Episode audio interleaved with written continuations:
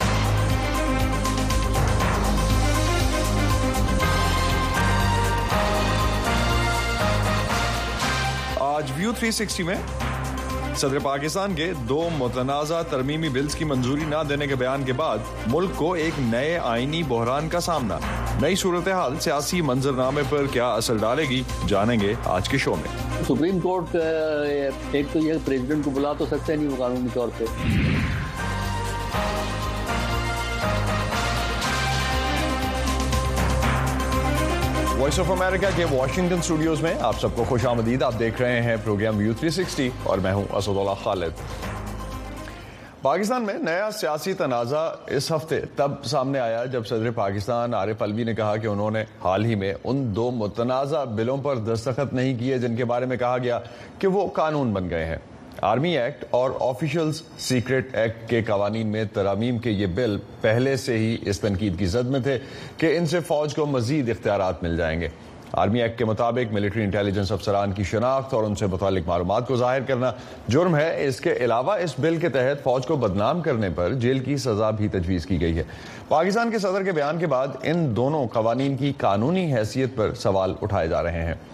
اسلام آباد میں نگراں حکومت اس تنازع سے کیسے نمٹ رہی ہے اس پہ بات کرتے ہیں اسلام آباد سے ہمارے ساتھ اس وقت موجود ہیں علی فرقان علی اس معاملے کا حل کیا ہے نگراں حکومت کے پاس اصل نگران حکومت تو اس کے اوپر فیصلہ کر چکی ہے اور ان کا یہ موقف ہے کہ یہ قانون بن چکا ہے اگرچہ صدر نے اس پہ دستخط نہیں کیے لیکن حکومت کا یہ موقف ہے کہ یہ خود بہت دس روز گزرنے کے بعد قانون بن چکا ہے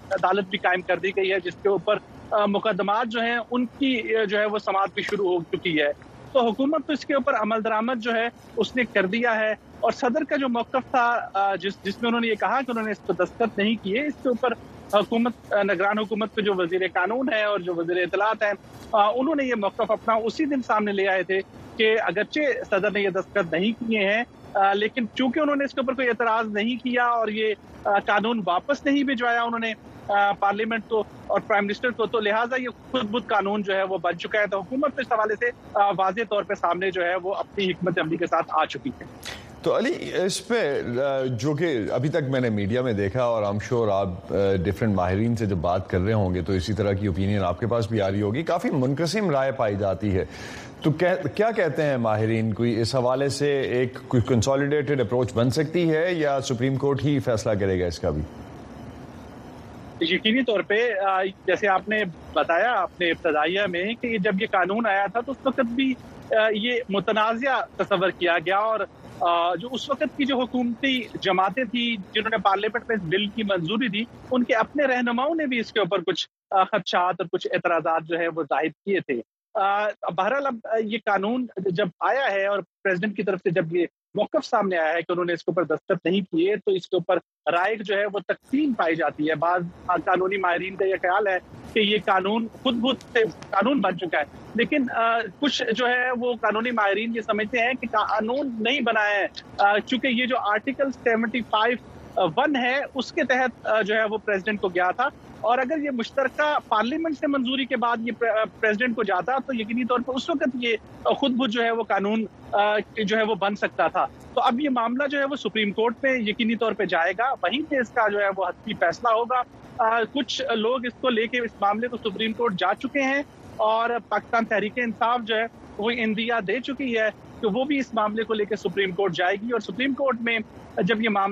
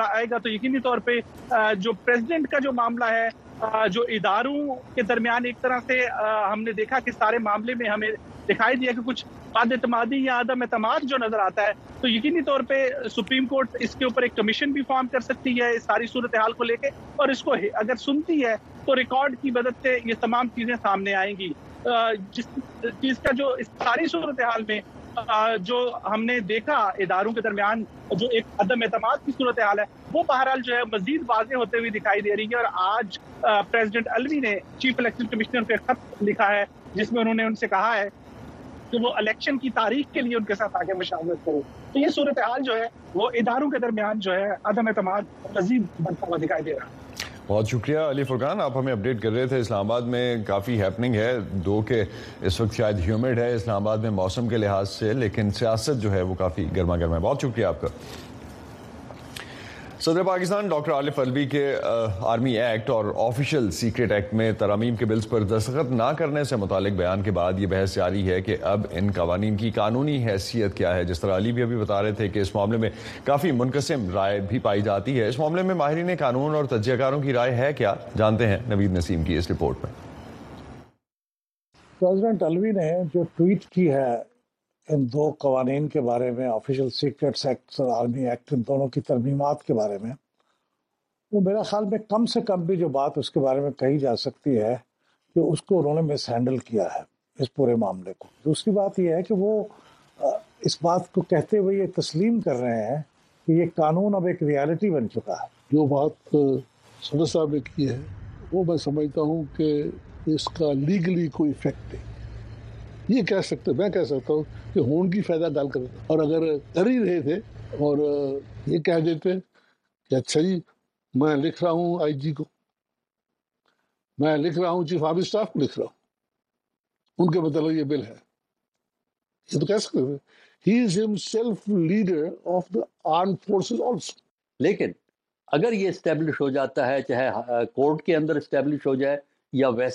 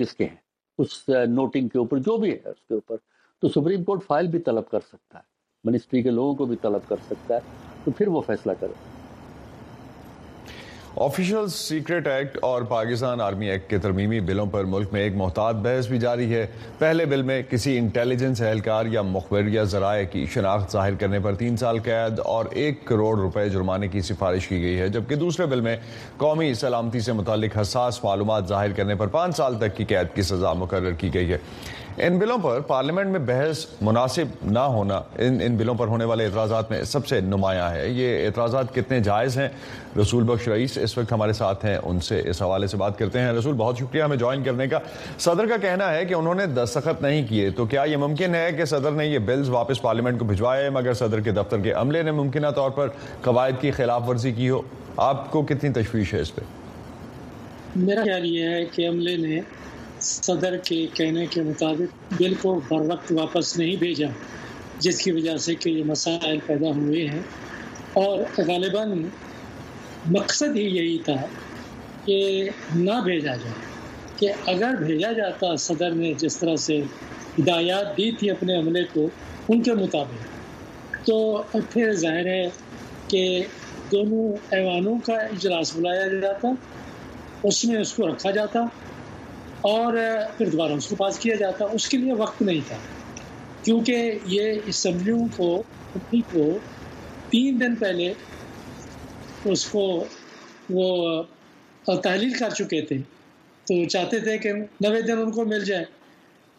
تو اگر وہ ایسا کرتے تو غالباً ان کے لیے ان کے پاس وقت نہ ہوتا ورنہ تو یہ ہے کہ ماضی میں ایسا ہوتا رہا ہے کہ صدر نے اعتراضات لگا کے واپس بھیج دیا اور دونوں ایانوں نے مل کے چند منٹوں میں دوبارہ رائے شماری کرا کے یس کا نعرہ لگا کے دوبارہ واپس بھیج دیا تو وہ قانون بن گیا تو اس وقت معاملہ یہ تھا کہ ان کے پاس وقت نہیں تھا میرا خیال یہ ہے کہ یہاں پہ جو نوکر شاہی وہاں پہ موجود تھی صدر کے ارد گرد اس کو استعمال کیا گیا ہے سیاسی مقاصد کے لیے وہ استعمال ہوئے ہیں اور یہ ہماری نوکر شاہی کی جو صورت حال ہے اس کے اوپر مواخانی کی جا سکتی ہے کہ کہاں گیا ان پر اعتماد اور اعتبار اور ان کا آئینی اور پیشہ ورانہ ذمہ داریوں کا بوجھ تو ایسا لگتا ہے کہ سیاست کی گئی ہے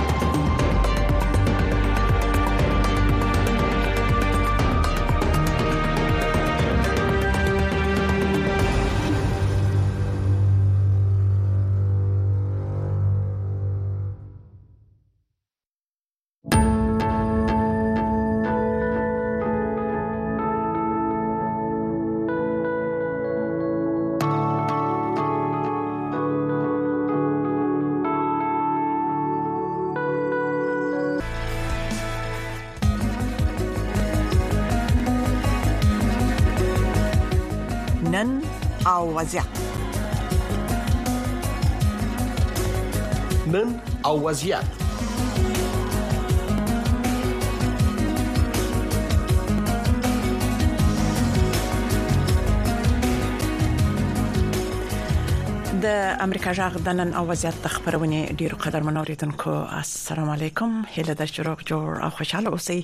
د دې بیا اساس لپاره د نن او وضعیت خبرونه پیل وو نو هیله ده چې دا خبرونه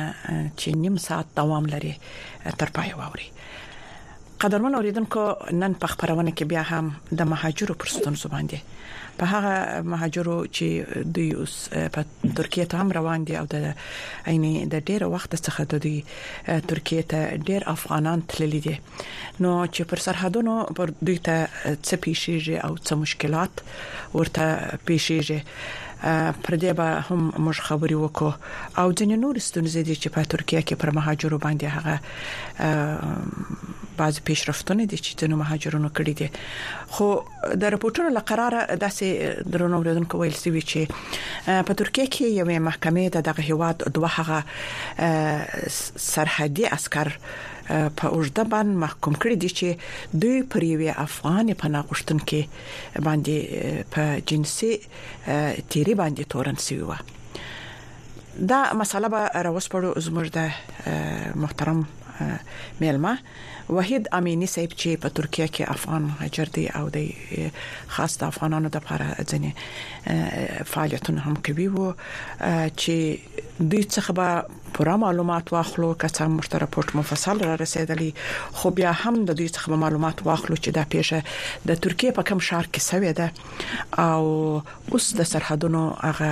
حالت په څه ډول دی بیا هم افغانان سربېره پر دې چې دوی ته دونه ډېری ستونزې پیښیږي او بیا هم دوی پر دغه لار باندې راځي دا ولي نو وا محترم وحید امینی صاحب ته زه شرغلاس وایم امینی صاحب تاسو خبرونه ته شرغلاس کور مو ودان چې په لنډ وخت کې مو زموږ غوښتنه ومنله. بسم الله الرحمن الرحیم سلام تاسو ته شافیه خور درنو اوریدونکو او لیدونکو ته ډیره مننه چې وخت هم راک او زموږ د مسافرو حال خپل ولس ته او چارواکو ته شریکوي نستاس د پښتنې په جواب کې باید وایم چې دا خو ډیره یو جدي مساله ده باید دې ته دغه کوم مسولین چې کوم چارواکي چې د مهاجرت په بخش کې د مهاجرت د سازمانونو په بخش کار کوي او په ملل متحد کې دي یا افغان چارواکي دي چې لاس یې بر دی د هغې نه زموږ غوښتنه ده چې زموږ غږ واوریدل شي او زموږ ستونزو ته د حل لارې راولټول شي راځم ستونزې ته په سرحداتو کې چې کومې ستونزې دي په سرحداتو کې ډېر غیر انساني او غیر اخلاقی ستونزې رامنځته شوې دي په دې تیرو دوو کالو کې خصوصا چې زه راغلم دلته او خبرې کوم او په خپل سترګو مې هم لیدلې دي په سرحدونو کې ځوانان ډلې ډلې ځوانان چې کله په د شپې په تور شپه کې راوړي دلته د مسولینو لخوانه د دوانو هوادونو وشتل کیږي او په دې باندې د ځکیږي لکه هغه څوک چې مثلا یو خار ته راننوځي په جنگ په واسطه باندې یا مثلا یو بل ترهګریز فعالیت کوي او د هغه په هغه رقم باندې د سر برخورد کیږي او د وژل کیږي او څه زخمیان کیږي او څه راغورځي دا کندونه کندو کې چې د غرنه راغورځي الته ډیر نور هم دغه ستونزې چې دغه ماشومان او خزي چې دا راوړي په دې لارو باندې نو دې سره بیلا بیلې سنځي د خپل هم ډېری سنځي لري ځکه چې د ماشومان ور سره دغه سنور نو دې سره د ترکیه د پولیسو د خوانه ډېر ظلم او مهرباني کورموادان محترم امینی صاحب مشته د رپورټونو لقرار او رپورټونو هم رسیدلې دي په دې سکه چې په ترکیه کې یوې محکمې د دغه هواد دوه هغه سرتیري عسكر په بنديان کړی دي یا محکوم کړی دي چې پر چې دوی پر یوې افغاني پناه غوښتونکو باندې د جنسي تیری یعنی دوی تورن سوي دي پر باندې نو تاسو وایاست چې دغه پیښه څنګه سوي ده آیا مخکې هم دغسې یو پیښې تاسې ددوی خبر اوریدلی وو او که دا اوس ددوی په جهاني سویه باندې ددوی رپوټ راغلی دی چې په ترکیه کې دا ډول ستونزې شته او د افغان کډوالو د بشري حقونو سازمان هم اکثره په دغه ناسم چلندونه چې دی یا دغسې کړنې چې د افغانانو یا د مهاجرو سره چې کیږي دوی ته ډیر اندیشنه شودلې ده نو که تاسو په دې باره کې معلومات راکړئ چې دا د ترکیه په کوم شهر کې وو او دا پیښه څنګه پیښه شوه مننه شافیا پور دغه سي دي تور ته ډېری پیخي چې ځنی مونږ یعنی خپل ز خپل عین شاهد مده د زیاترو پېښو او دغه کومه پېښه چې رامنځته شوې ده یو مثال دی دا یو هغه مثال دی چې ترکیه دولت یا د ترکیه رسنۍ یا د ترکیه د مهاجرت دغه کوم سازمانونه چې دلته دي او دا یې معلومدار کړل bale بله بله شاسه بله مهرباني وکړئ دغه کوم سازمانونه چې د ترکیې په داخل د ترکیه کې دي او کار کوي د مهاجرت په بخش کې د دوی د خپل ځان خلاصي ځان د ملامتیا نه خلاصي په سلګونه دغه ځوانان زمونږ ورک شوی دی لا درک دي په دې مرز کې دغه د ترکیه او ایران په مرز کې په سلګونه یې وشل شوی دي چې دلته په وان خار کې هدیره ده دلته د افغانانو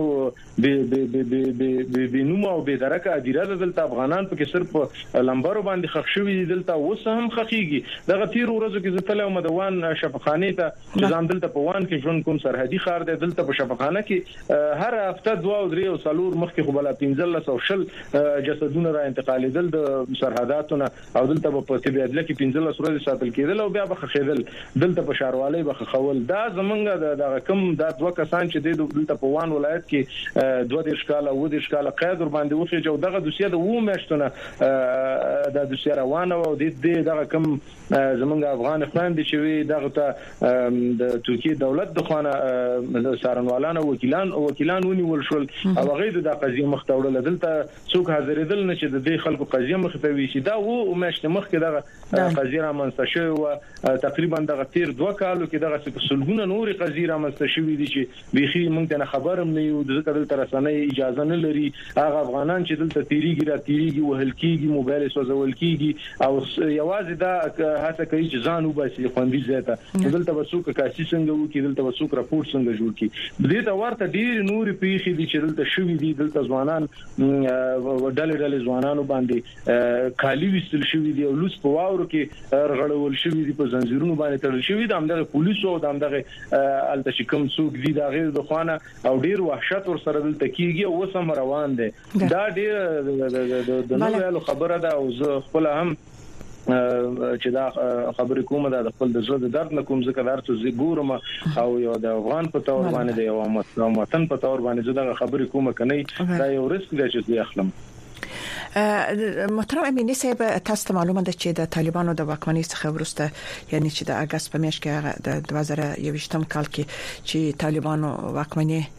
واخستله او ډیر افغانان معلومدار د ایران د لارې و ترکیه ته راغلي دي د دوه ډیرو ستونزو سره سره بیا هم د ځوانان مجبوريږي او و نور ملکونو ته په خاص ډول ترکیه ته راځي نو بیا خو ډیره مهمه پوښتنه ده د هر افغان پوښتنه ده د ټولو ځوانانو پوښتنه ده زه د ټولو ځوانانو د افغانانو په نماینده ګۍ زه دا درته ویل غواړم چې زه خپل ما دا هر څه لیدلې دي یو انسان یو ځوان ارزوګان لري یو ځوان په زړه کې امیدونه لري د خپل وطن د پاره د خپل کورنۍ د پاره د خپل ځان د پاره چې یو څه وکی باید هر ځوان هر کاغه نر دی او که خزه هغه غواړي چې د خپل وطن او د خپل کورنۍ او د خپل ځای او د خپل سیمې د پاره د یو څه وکی چې هغه په افتخار وکي او په هغه حساب وشي دغه ځوانان چې راځي دا د ډیر مجبوریت نه راځي یا د د اقتصادي ستونزو د وجې نه راځي چې تقریبا شپږتاویا فیصد د اقتصادي ستونزو د وجې نه راځي چې په افغانستان کې کار نشته روزګار نشته آینده ته آینده ته یعنی آینده بيخي نامعلومه ده چې څه به کیږي څه به نه کیږي دغه سلويخ فیصد چې ما درته یاد کړ دا د پوخانی نظام یا د جمهوري نظام کارمندان دي، نظامیان دي، د امنیت ملي کارمندان دي، د هغوی ژوند هلته په خطر کې دی، ټول جهان دې ته متوجه دی، مګم اقدام هیڅوک هم نه کوي، نه بشري حقوق اقدام کوي، نه ملل متحد اقدام کوي، نه امریکا، نه بل، نه بل، نه بل، نو اقدام په کار دی، دغه خلک چې دلته دا طالبان دی کوم دا حکومت ولي روانه کړې ده، په دې رقم باندې حکومت ولي نه روانیږي، دا. ځوانان او دا کدرونه ټول ترېنه راوځي، ډاکټران ترېنه راوځي، انجنران ترېنه راوځي، هلته خو یوازې په ملا باندې یا په یوازې مدرسه باندې یو نظام چې شل کاله په پښو باندې تقریباً ودرېدلی و، هغه نه چلول کېږي او نه روانېږي او دا نظام نور هم خرابېږي او نور هم افغانستان د ډېرو غټو غټو ستونزو، سیاسي ستونزو سره، سیمه ییزو ستونزو سره، ترهګرۍ ستونزو سره، مهاجرت ستونزو سره نور هم مخامخ کیږي نو باید نړیوال موږ ته توجه وکړي خصوصا دغه ځوانان چې په تیتو پرک شوي دي په اروپایي هیوادونو کې امریکایي هیوادونو کې او همدغسې په نورو هیوادونو کې ددې دونه مې غوښتنه دا ده چې په بې ځایه کارونو باندې خپل وخت ضایع نه کړي او یو بل سره ارتباط قایم کړي د خپل وطن په باره کې یو اجتماع اجماع را جوړه کړي. او یو گفتمان را جوړ کړي او یو بل سره یو یو هدف ته باید ورسي بله بله بله خو بیا هم د دې مشکلاتو سره سره لکه څنګه چې تاسو ویل یو څو د پداتیر څو میاشتې کې د ترکیه څخه ډیر افغانان بیرته وهیوات ستانه شوی دي اواز مې اوري تاسو شافیا خور بالکل ستا مطلب مې واغست راځم دغه دویمه مسله چې ډیره جدي ده او ډیر خلک خپه کړي دي ډیر افغانان زموږ خپه کړي دي ځکه زمونږ افغانان الته تاسو ته معلومات دي چې خپل د اقتصادي ستونزو د وجې نه غواړي چې خپل بچي ولېږي ترکیه ته یا بل هواد ته یا هر هواد ته چې چلته کارو کې خپل کورنۍ ته حلال رزق پیدا کی او 100 روپۍ پیدا کی او ژوند د خطر نه بچ شي او خپل پوله پټه خرڅي مثلا خپل غوا خرڅي خپل هغه یو چا نه پول پیسې قرض کوي چې دغه څونه پیسې چې دي دا پیدا کړي چې دغه خپل اولاد دغه ترکیه هواده پورې راورسي چې دلته یو څه اندازه کار وکړي نو کله چې دا دلته راورسیږي اول خو په سرحداتو کې هغه ستونزې چې موږ تاسو مخکې بیان کړلې دا غي نورسته چې کله په خار کې په کار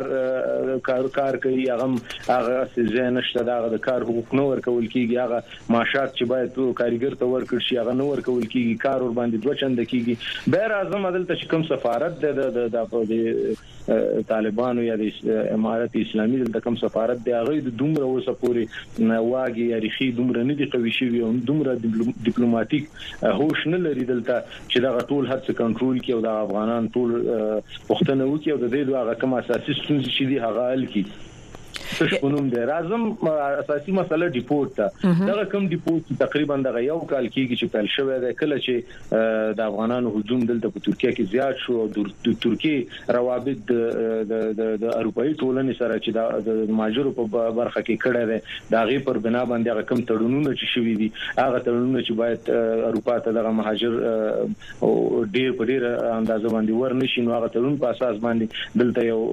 پروګرامونه جوړ شول د غیر قانوني مهاجرو د کنټرول په اړه کې په ټوله ترکیه کې قانونونه تغییر شول او ماده تغییر شول نو په هغه صورت باندې باید زمونږه سفارت او زمونږه ډیپلوماټانو هم په دې کې ونډه لرله او د دې کې د حل فصل لپاره یو خپل وینا یا مثلا خپل غوړاندیز کړی خو د سیمونو شول نو دلته ډیپورت جبري ډیپورت رامنځته شو جبري ډیپورت داسې چې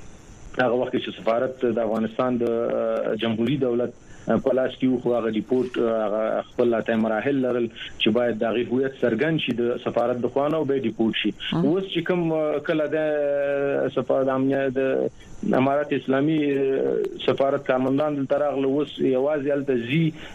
سیریل نمبر او لیکل کیږي چې هو دا افغان دی او ډیپورټ کیږي نور هغه پښتنه نشته ده هغه چې نشته چې دا مشکل لري تیر نظامی دی نور کوم ستونزې سیاسي ستونزې لري مذهبي ستونزې لري نور کوم مسلې دي دلته ځکه یو انسان چې مهاجر کیږي تبا چې د وستونزې د وجنه مهاجر کیږي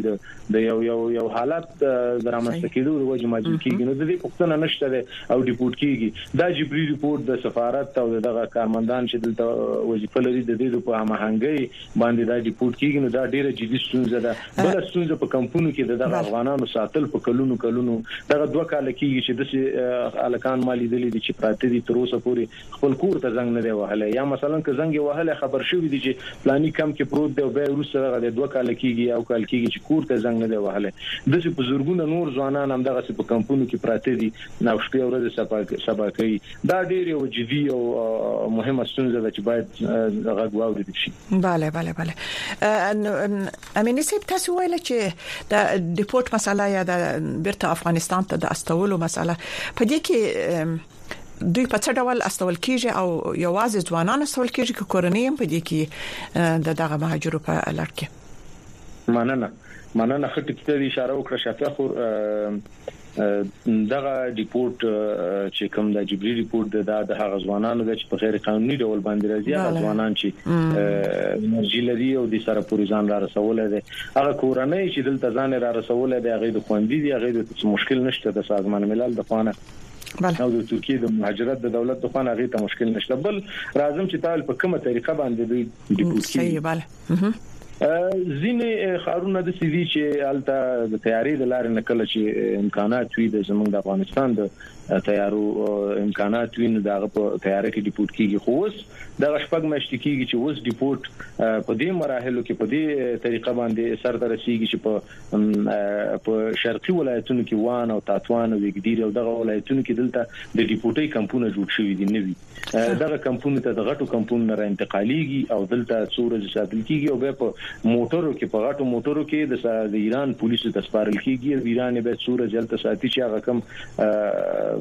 پروسیجر مخه تلاړ شي هغه د نوملیکنې او هغه د سازمان ملل ته د راپور ورکولو هغې نه وروسته دی هلته د امارت اسلامي دولت ته په افغانستان کې یا په کندهار یا په هرات کې سپارل کیږي نو دا هم یو جبري رپورټ دی دې ته هم موږ جبري رپورټ ویلی شو داسې وخت هم راغلی دی د دې د داسې یو قانون هم دلته شته دی چې په وان ولایت کې په سرحدي سیمو کې کم خلک چې په سرحدي سیمو کې کم ځوانان ونیول شي هغه وهل کیږي ټکول کیږي او په هماغه ځای کې بیرته د ایران خاورې ته اړول کیږي بغیر د کوم پښتنې نه بغیر د کوم سوال جواب نه یا بغیر د کوم کوم پروسیجر نه یا د کپتای مراحل څخه نو هغه چل تکل واړول شي هغه ال تغلو لاس ته غورځي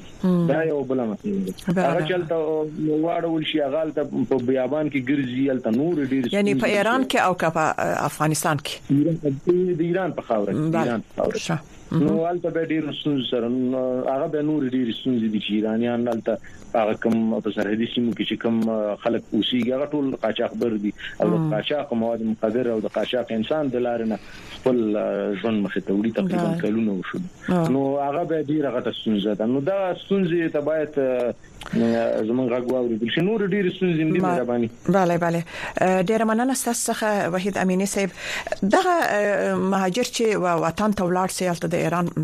په خاور کې خو تاسو مشکلات ویل چې ډیر مشکلات ورته بشي د افغانستان حکومت یا د طالبانو حکومت و دوی ته د دوی د پاره یو څه شرایط برابر کړي د چا خبره و دوی ته شراغلاست وایي د دوی سره یو شپې شامت کیږي د دوی غم خړل کیږي دوی دغه ځوانان به تاسو هم خبر یاست چې د دوی حالت حالت په افغانستان کې په څه ډول دی بله شافیا خور تاسو پوهیږئ چې دا کوم ما مخکې ویل چې کوم ځوانان راځي نو د مجبوریت نه راځي هغه مجبوریتونه چې سیاسي او اقتصادي پکې ډیر دي هغه اول سر کې سیاسي بله بله سر کې معلومدار نو کله چې دا دیزه پورې راشي او هغه کم څه چې لري یا څه چې قرض کړي او تر دیزه پورې راشي او به بیرته ډیپورټ شي نو خپل ځان سره معلومدار څونه دا هغه کم چې چې ور سره یې هغه بیرته د خپل کلی ته د تک کرام نه لري د کابل نه خراغلاس څه کې چې دا التلاشي خپل کور ته نشي تللی د شرم خپل کلی ته نشي تللی د شرمه الته نورو ډیرو ستونزو سره مخامخ کیږي او زه ډیر ځوانان ډیره ځوانان پیژنم د سې چې بیرته تللی دي او په دې کوشش کې دي چې څنګه بیرته راشي نو دا دا دا دا ستونزې زمونږ په داخل د افغانستان کې باید حل شي دا ستونزې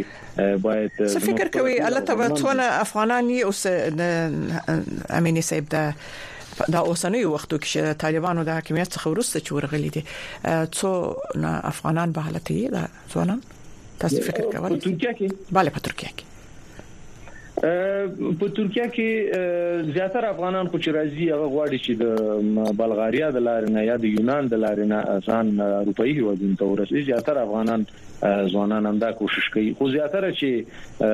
اقتصادي اقتصادي کمزوري دي او هغه تر دې ځای ځان لا رسول نور غواړي چې دلته کار وکړي او د دې ځنه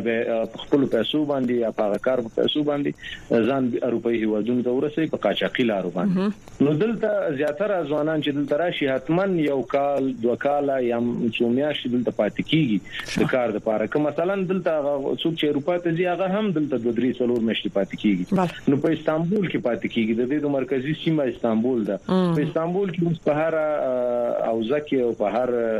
په هر ساحه کې اوس د یو ګرځنده د مهاجرینو په ضد باندې یو دغه جوړ کړی دی یو پولیسي د پولیسو حوزه جوړه کړې ده ګرځنده او د دې په ضد باندې مبارزه کوي او پښتنې کوي او ساحې تلاشي کوي او خلکونه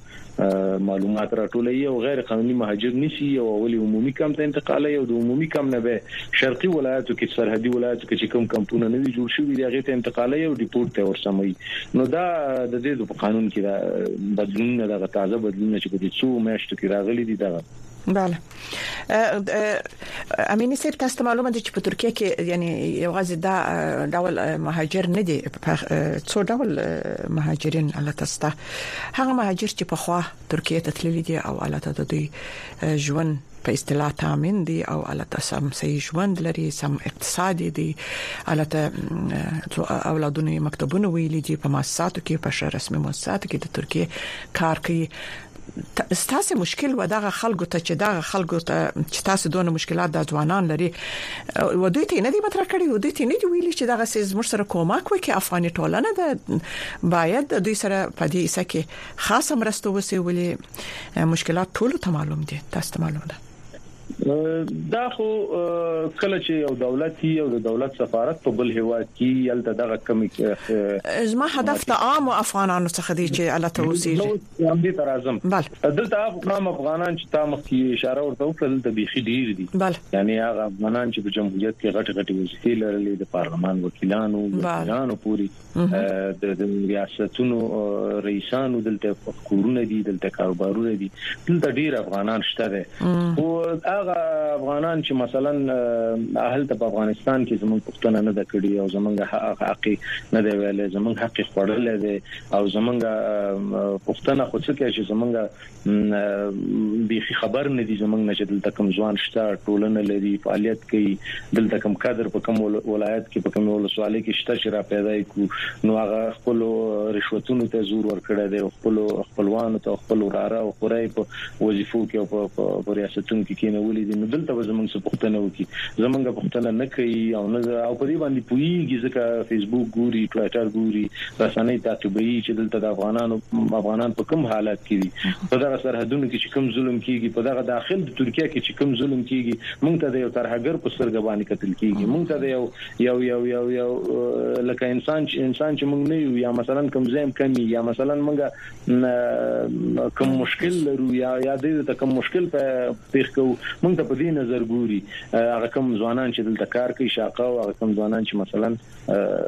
غیر قانوني دي دغه تا چې یادونه وکړه دغه تجاران او دغه کم سرمایداران افغانان چې دلته ژوند کوي د قرار خپل کورونو کې پراته دي او قلار ټلویزیونونو ته ګوري مګم اقدام نه کوي زموږ پښتنه نه کوي کومنګ ورته زنګ وو هم پښتنه نه کوي او کومنګ ورته میسج کو هم زموږ پښتنه نه کوي او نه څه د لاس کیږي چې وایي کی ځکه دې نه پوهیږي چې څه وکړي په دې خاطر چې دلته یو نظام نه دی موجود دی او یو ډیپلوماټیک ماحول نه دی رامنځته شوی چې دلته یو ادرس نه دی رامنځته شوی او ادرس نشته دی که ادرس دی هغه یوازې هغه ادرس دی چې د ماغه خلکو یا د ماغه ډله چې په افغانستان کې حاکم ده دا غي په خدمت کې دی او دا غي د انډیوالانو او دا غي د دوستانو په خدمت کې دی هغه ته پاسپورت هم ورکړي هغه ته ویزه هم برابرې هغه ته اقامه هم برابرې هغه ته تلته ملمستیام جوړي هغوی د دلته تجارانو سره ناستې ولاړې هم جوړوي او دلته چې کوم افغانان دي د هغوی د پښتنو نه کوي هغه کوم افغانان چې مثلا ځوانان دي او کډرونه دي د تیر نظام نظامیان دي که د اوس د مانتونو سازان دي هم دغه سنور ورزشکاران دي نو دغه ستونزې شته خوري bale رښتیا هم د ډېر سخت سخت حالت دی او ځوانانو ته خصوصا او کورنۍ ته خو په هر صورت امینی صاحب موږ یو څلور دقیقې نوري هم لرو په هغه کې تاسو کولای شئ چې هغه څه غوښتنې لري د ترکیه د حکومت سره د طالبانو د حکومت او په خپل چې هغه ستاسو په زړه کې دي او ستاسو ځوانانو